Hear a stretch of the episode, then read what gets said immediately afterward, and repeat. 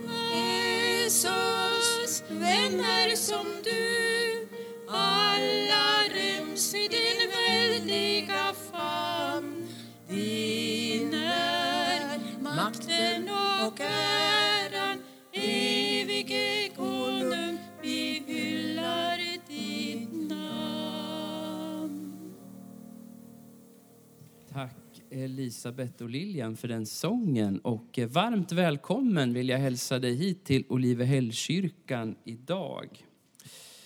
Vi har tagit oss en bit in i fastetiden, vår gemensamma vandring mot påsken.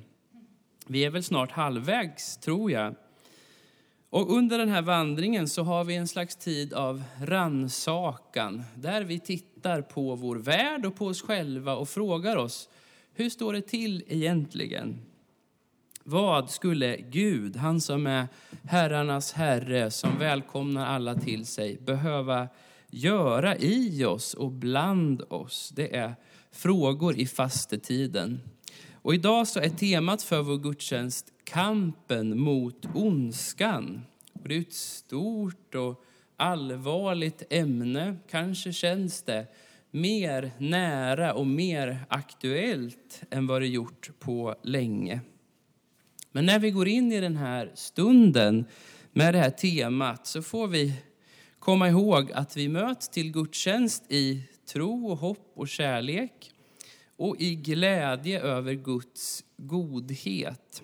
Och därför så vill jag ta med er till Saltaren 36 i inledningen av vår gudstjänst. Som en bön och som en förväntan på den här stunden som vi ska få dela nu tillsammans. Herre, till himlen sträcker sig din nåd, din trofasthet ända till skyarna. Din rättfärdighet är som väldiga berg, din rättvisa som det djupaste hav. Herre, du hjälper både människor och djur. Din nåd är dyrbar, o Gud. I dina vingars skugga finner människor tillflykt. De får njuta överflödet i ditt hus. I din glädjes strömmar stillas deras törst. Ty hos dig är livets källa. I ditt ljus ser vi ljus. Tack himmelske Fader för att vi får samlas till gudstjänst idag som din församling här i Strängnäs. Och tack för att vi som kyrka över hela världen får samlas till gudstjänst idag. Inför dig Herre och tillsammans med dig möts vi Herre. Och vi ber Herre att det här ska få bli en stund för oss och för alla som firar gudstjänst idag där vi får kliva ner i dina strömmar av glädje där vi ska få ta emot ditt ljus så att det får lysa upp oss och lysa upp vår värld. Herre, vi vill öppna våra hjärtan för dig. Vi vill öppna den här stunden i tiden för dig och ber att du ska komma oss till mötes som du lovat. Kom helige Ande och fyll oss den här stunden så att vi kan få se vem du är, så att vi kan få lyssna till ditt ord, så att vi kan få möta dig i sången och i bönen och i gemenskapen, Herre. Jag ber så och vi samlas idag som alltid i Faderns och Sonens och den heliga Andens namn. Amen.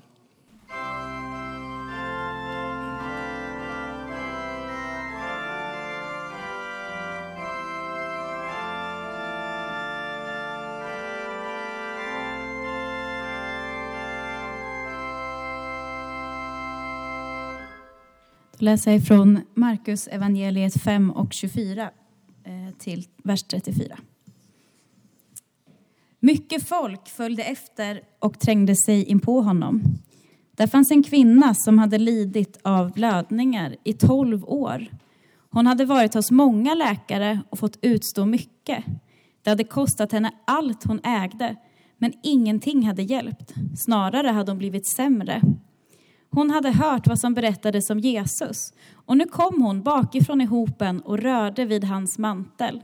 För hon tänkte att om hon bara fick röra vid hans kläder skulle hon bli hjälpt.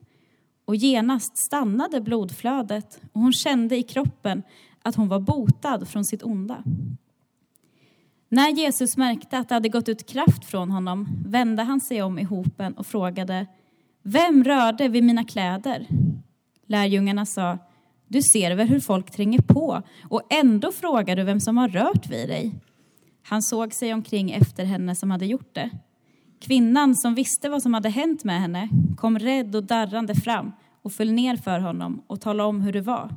Han sa till henne, min dotter, din tro har hjälpt dig. Gå i frid, du är botad från ditt onda. Du bör lära mig Gud växer jag. För jag vet, jag är stor för dig. Jag är glad att du vet vem jag innerst är. Det ger mod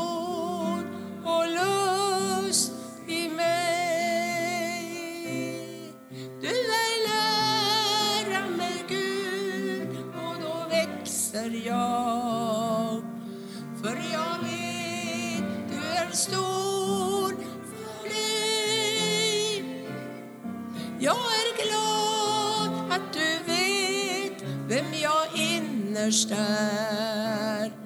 Det ger mod och lust i mig. För i mötet med andra och jag bär av varandras tro. Från början.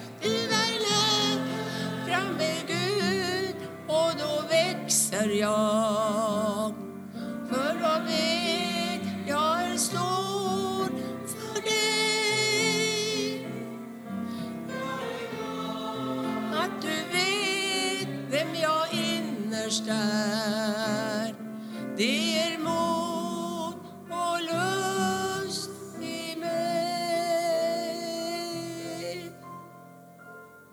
Då ska jag läsa dagens andra bibeltext som är från Efesierbrevet 6 och 10 till 18. Hämta nu styrka hos Herren av hans oerhörda kraft. Ta på er Guds rustning så att ni kan hålla stånd mot djävulens lömska angrepp. Ty det är inte mot varelser av kött och blod vi har att kämpa, utan mot härskarna, mot makterna, mot herrarna över denna mörkrets värld, mot ondskans andekrafter i himlarymderna. Ta därför på er Guds rustning så att ni kan göra motstånd på den onda dagen och stå upprätt efter att ha fullgjort allt. Stå alltså fasta, spänn på er sanningen som bälte och klä er i rättfärdighetens pansar och sätt som skor på era fötter villigheten att gå ut med budskapet om fred. Håll ständigt trons sköld framför er. Med den ska ni få den ondes alla brinnande pilar att slockna. Och grip frälsningens hjälm och andens svärd som är Guds ord. Gör det under åkallan och bön och be i er ande varje stund. Därför ska ni hålla er vakna och aldrig tröttna i er bön för alla de heliga.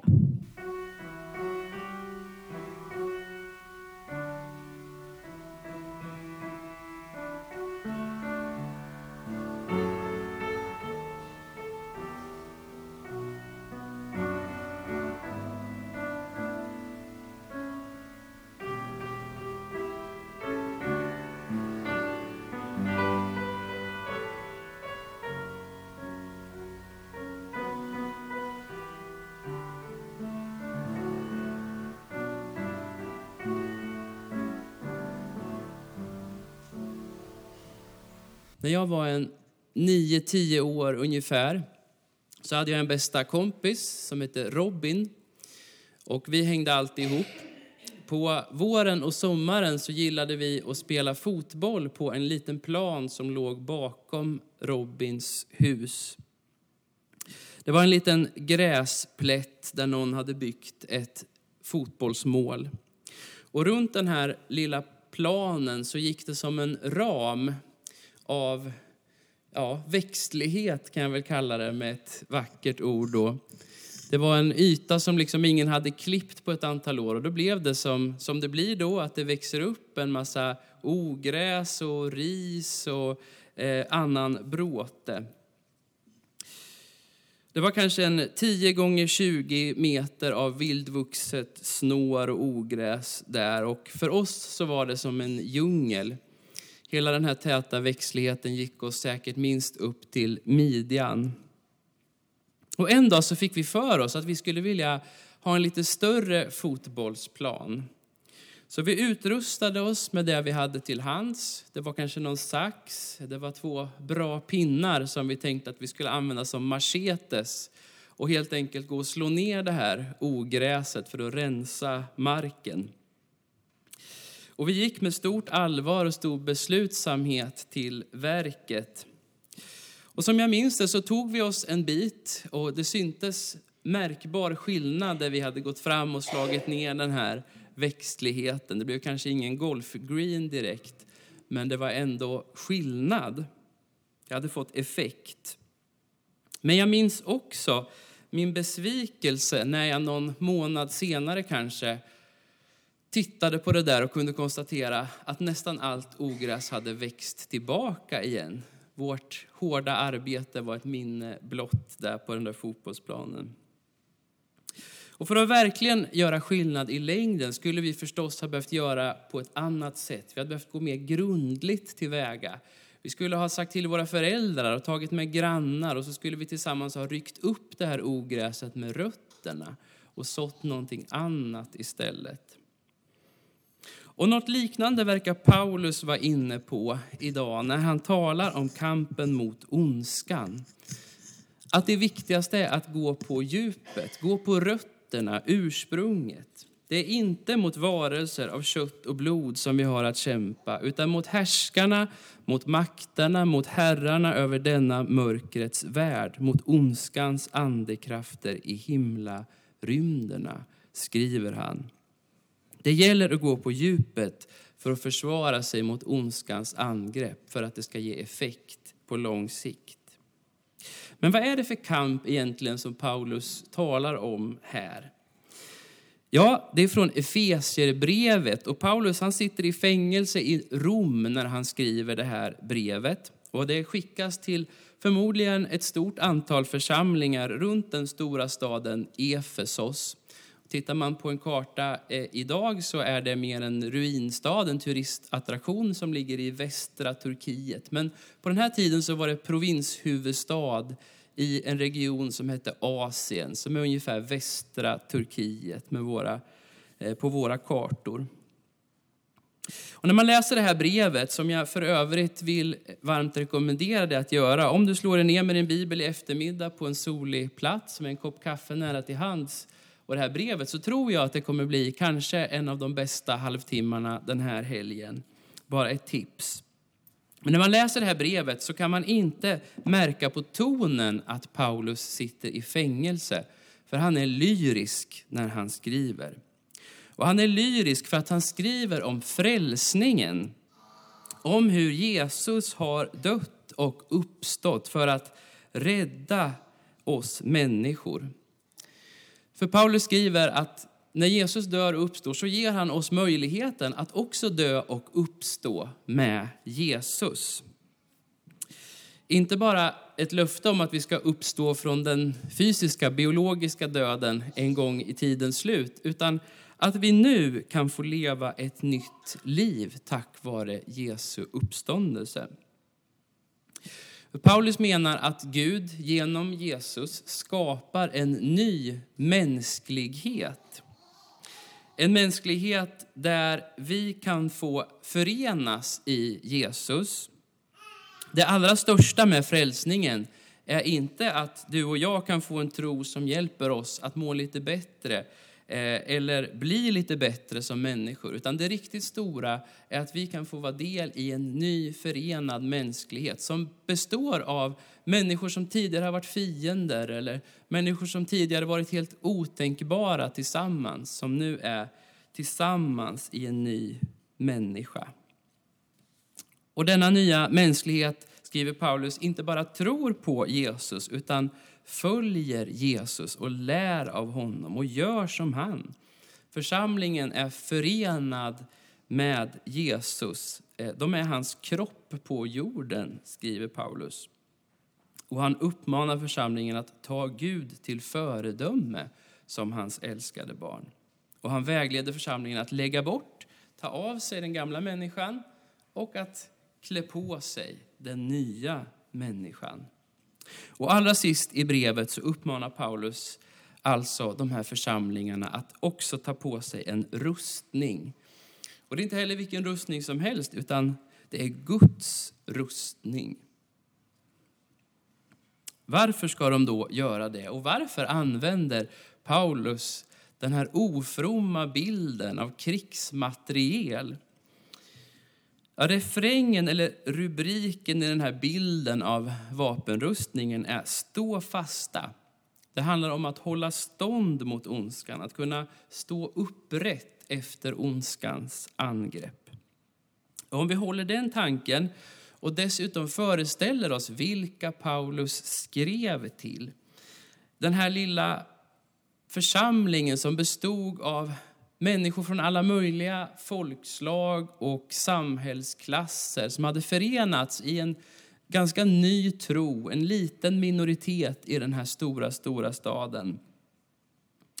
Då förstår vi att Paulus inte vill glorifiera våldet genom att använda den här bilden av vapenrustningen.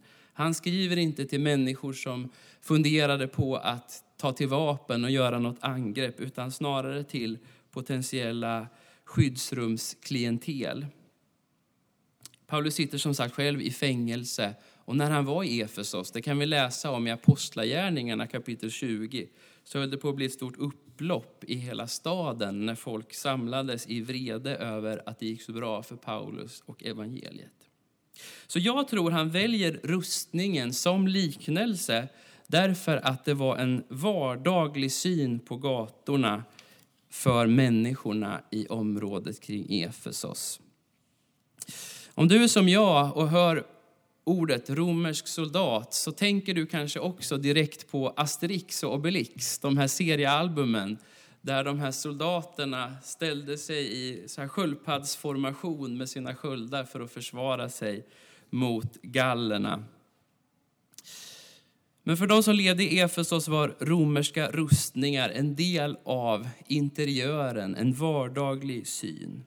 Och därför är det så fint då att Paulus, säkert inspirerad av Jesaja 59 där det står om Guds rustning, tar det här potentiellt hotfulla som finns runt församlingen och gör en bild av hur man kan leva som kristen för att besegra ondskan.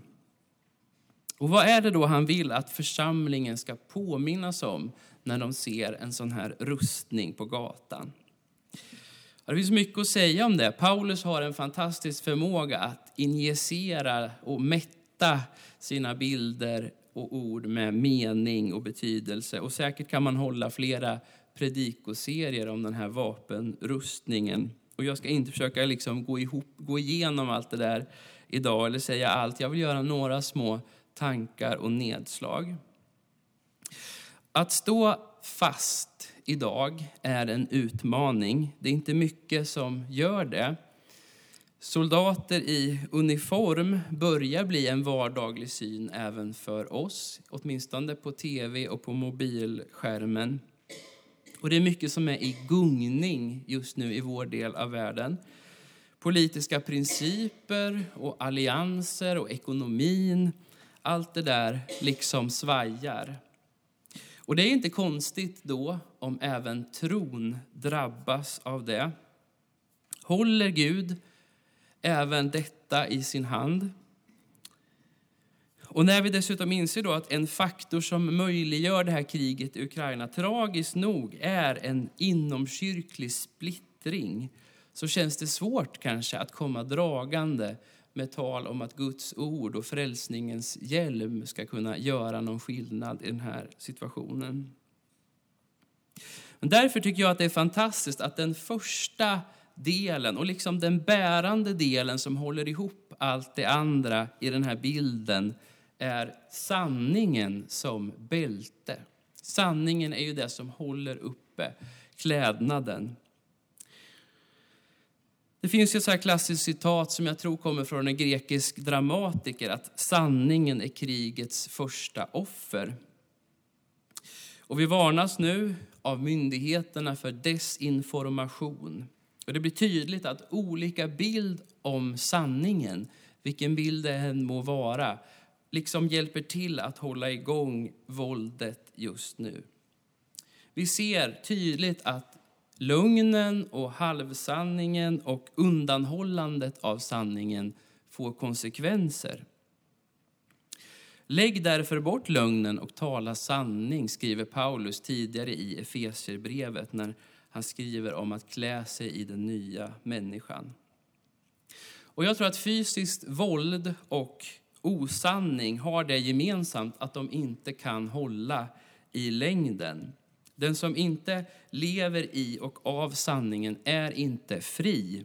Förr eller senare brukar lögnen falla därför att man orkar inte bära den i längden. Den bär inte sig själv, den måste hållas uppe.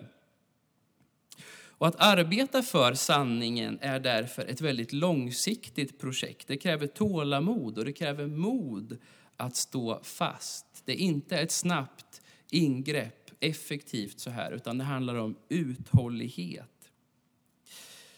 Och Bibeln lär oss ju att Jesus är sanningen med stort S, sanningen personifierad. Och den som vill upptäcka sanningen gör därför gott i att söka sig till Jesus. Det behöver vi som världsvid kyrka göra nu för att dra, dra vårt strå till stacken om det ska bli fred. Jag läste i tidningen att i ett videosamtal i veckan så möttes påven Franciscus och Moskva-patriarken Kirill. Och jag tror nästan påven har läst Efesierbrevet därför att han sa något väldigt klokt.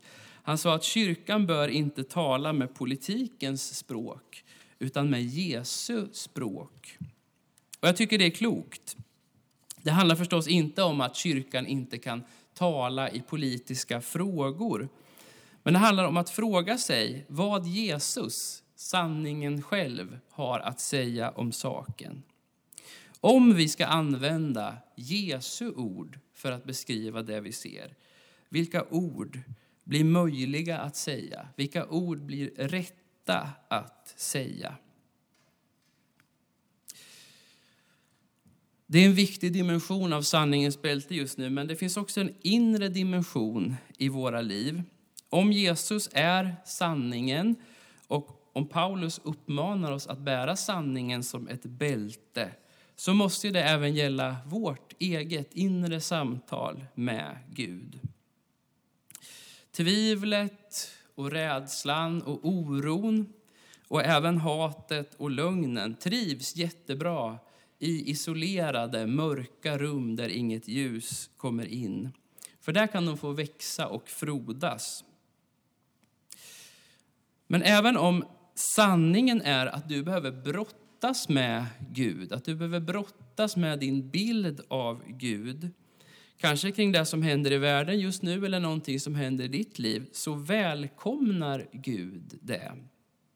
En av Guds folks djupaste identiteter är ju den som brottas med Gud.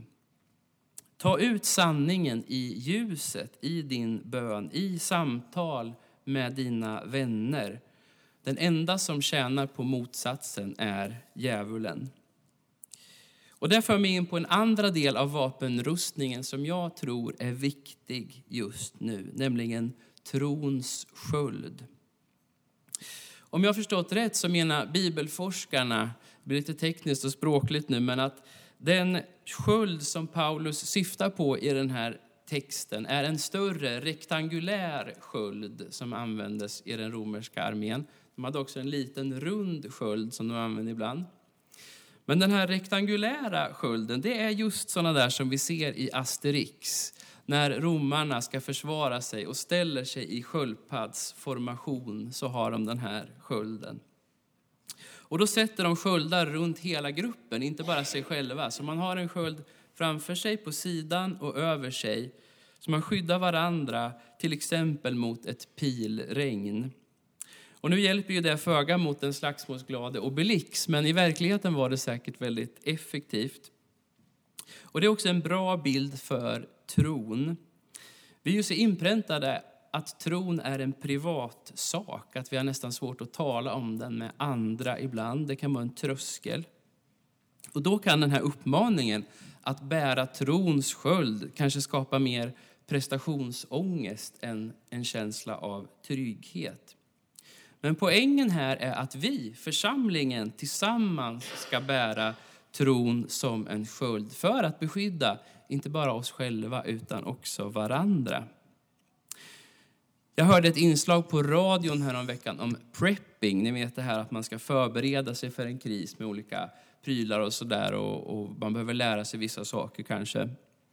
Det var någon expert i det här inslaget som hade skrivit en bok om prepping som sa att det viktigaste i en kris är skaffa inte grejer, skaffa grannar.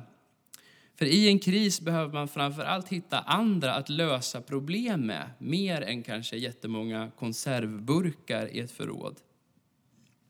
Och det där gäller också tron. Den som vill stå fast genom livet gör gott i att dela det kristna livet med andra. Och jag tror att det är helt nödvändigt att vi ser det också för att vi ska kunna stå med Jesus och dra upp ondskan med rötterna.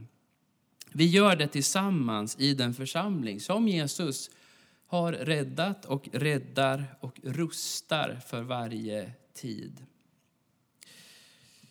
Om vi vill att det ska bli något mer än bara när vi gick med våra pinnar och slog ner ogräset som växte upp igen, så måste vi gå på rötterna.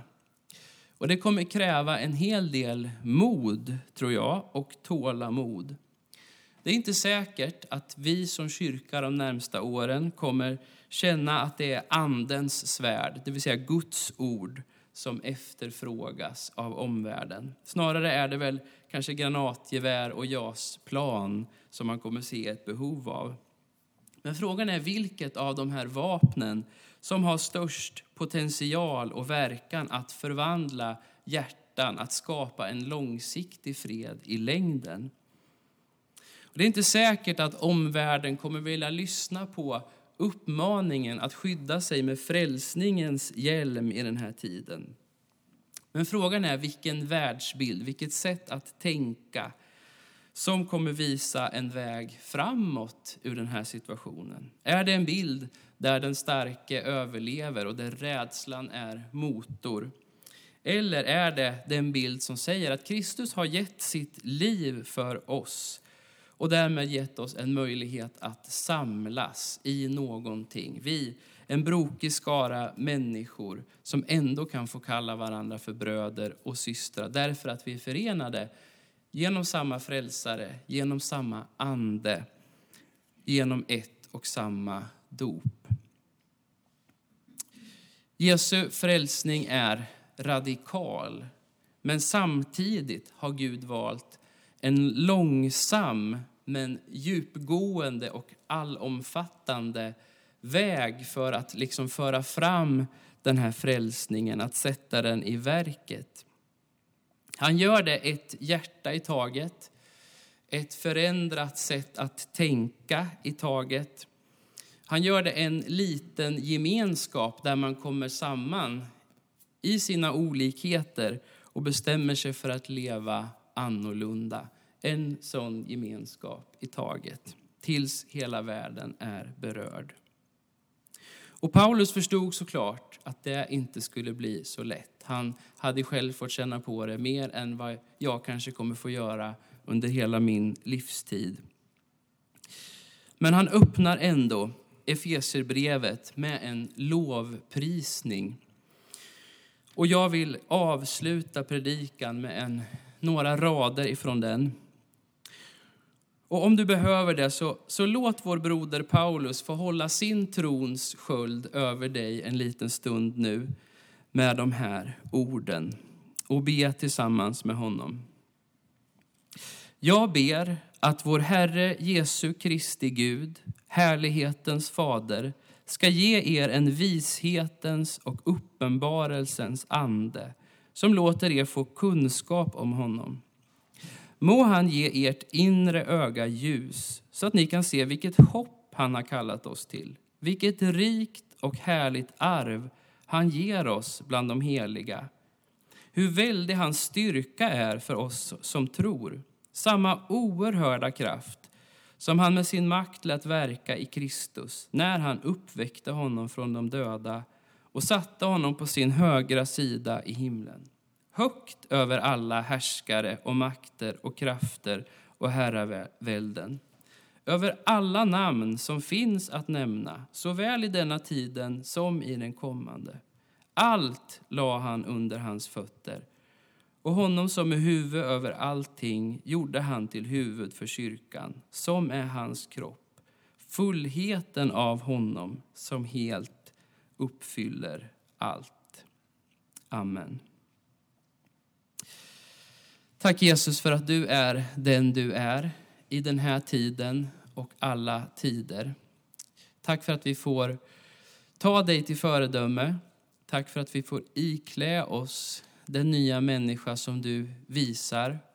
Och tack för att vi också får ta på oss din rustning. Herre, jag ber för kyrkan i den här tiden. Jag ber att vi ska få rikta våra blickar och hjärtan mot dig, Herre. Att vi ska få tala om oss själva och om varandra och om världen med ditt språk, Jesus. Så att vi kan förenas, trots våra olika situationer, trots våra olika utgångspunkter, förenas i dig, Kristus. Kom, helig Ande, och fyll oss så att vi kan bygga fred tillsammans med dig. Jag ber så i Jesu namn. Amen.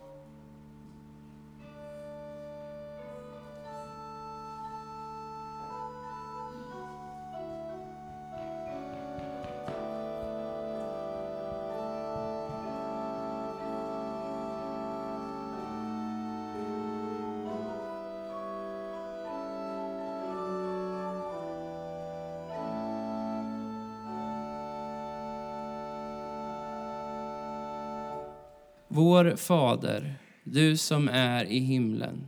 Låt ditt namn bli helgat. Låt ditt rike komma. Låt din vilja ske, på jorden så som i himlen.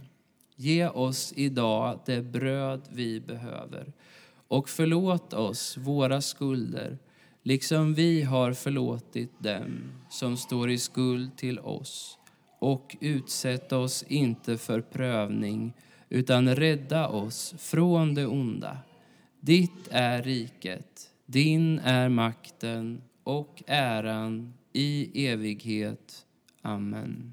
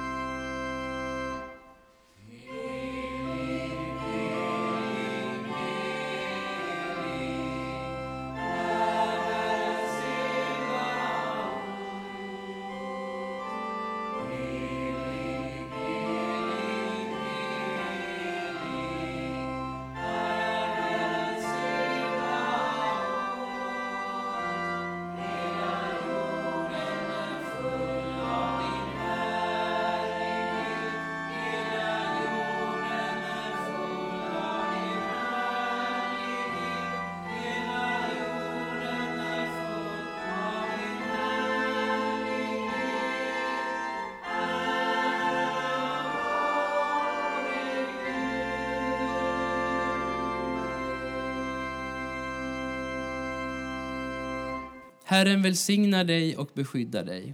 Herren låter sitt ansikte lysa mot dig och visar dig nåd. Herren vänder sitt ansikte till dig och ger dig sin frid och fred i Faderns och Sonens och den heliga Andens namn. Amen. Gå i frid och tjäna Herren med glädje.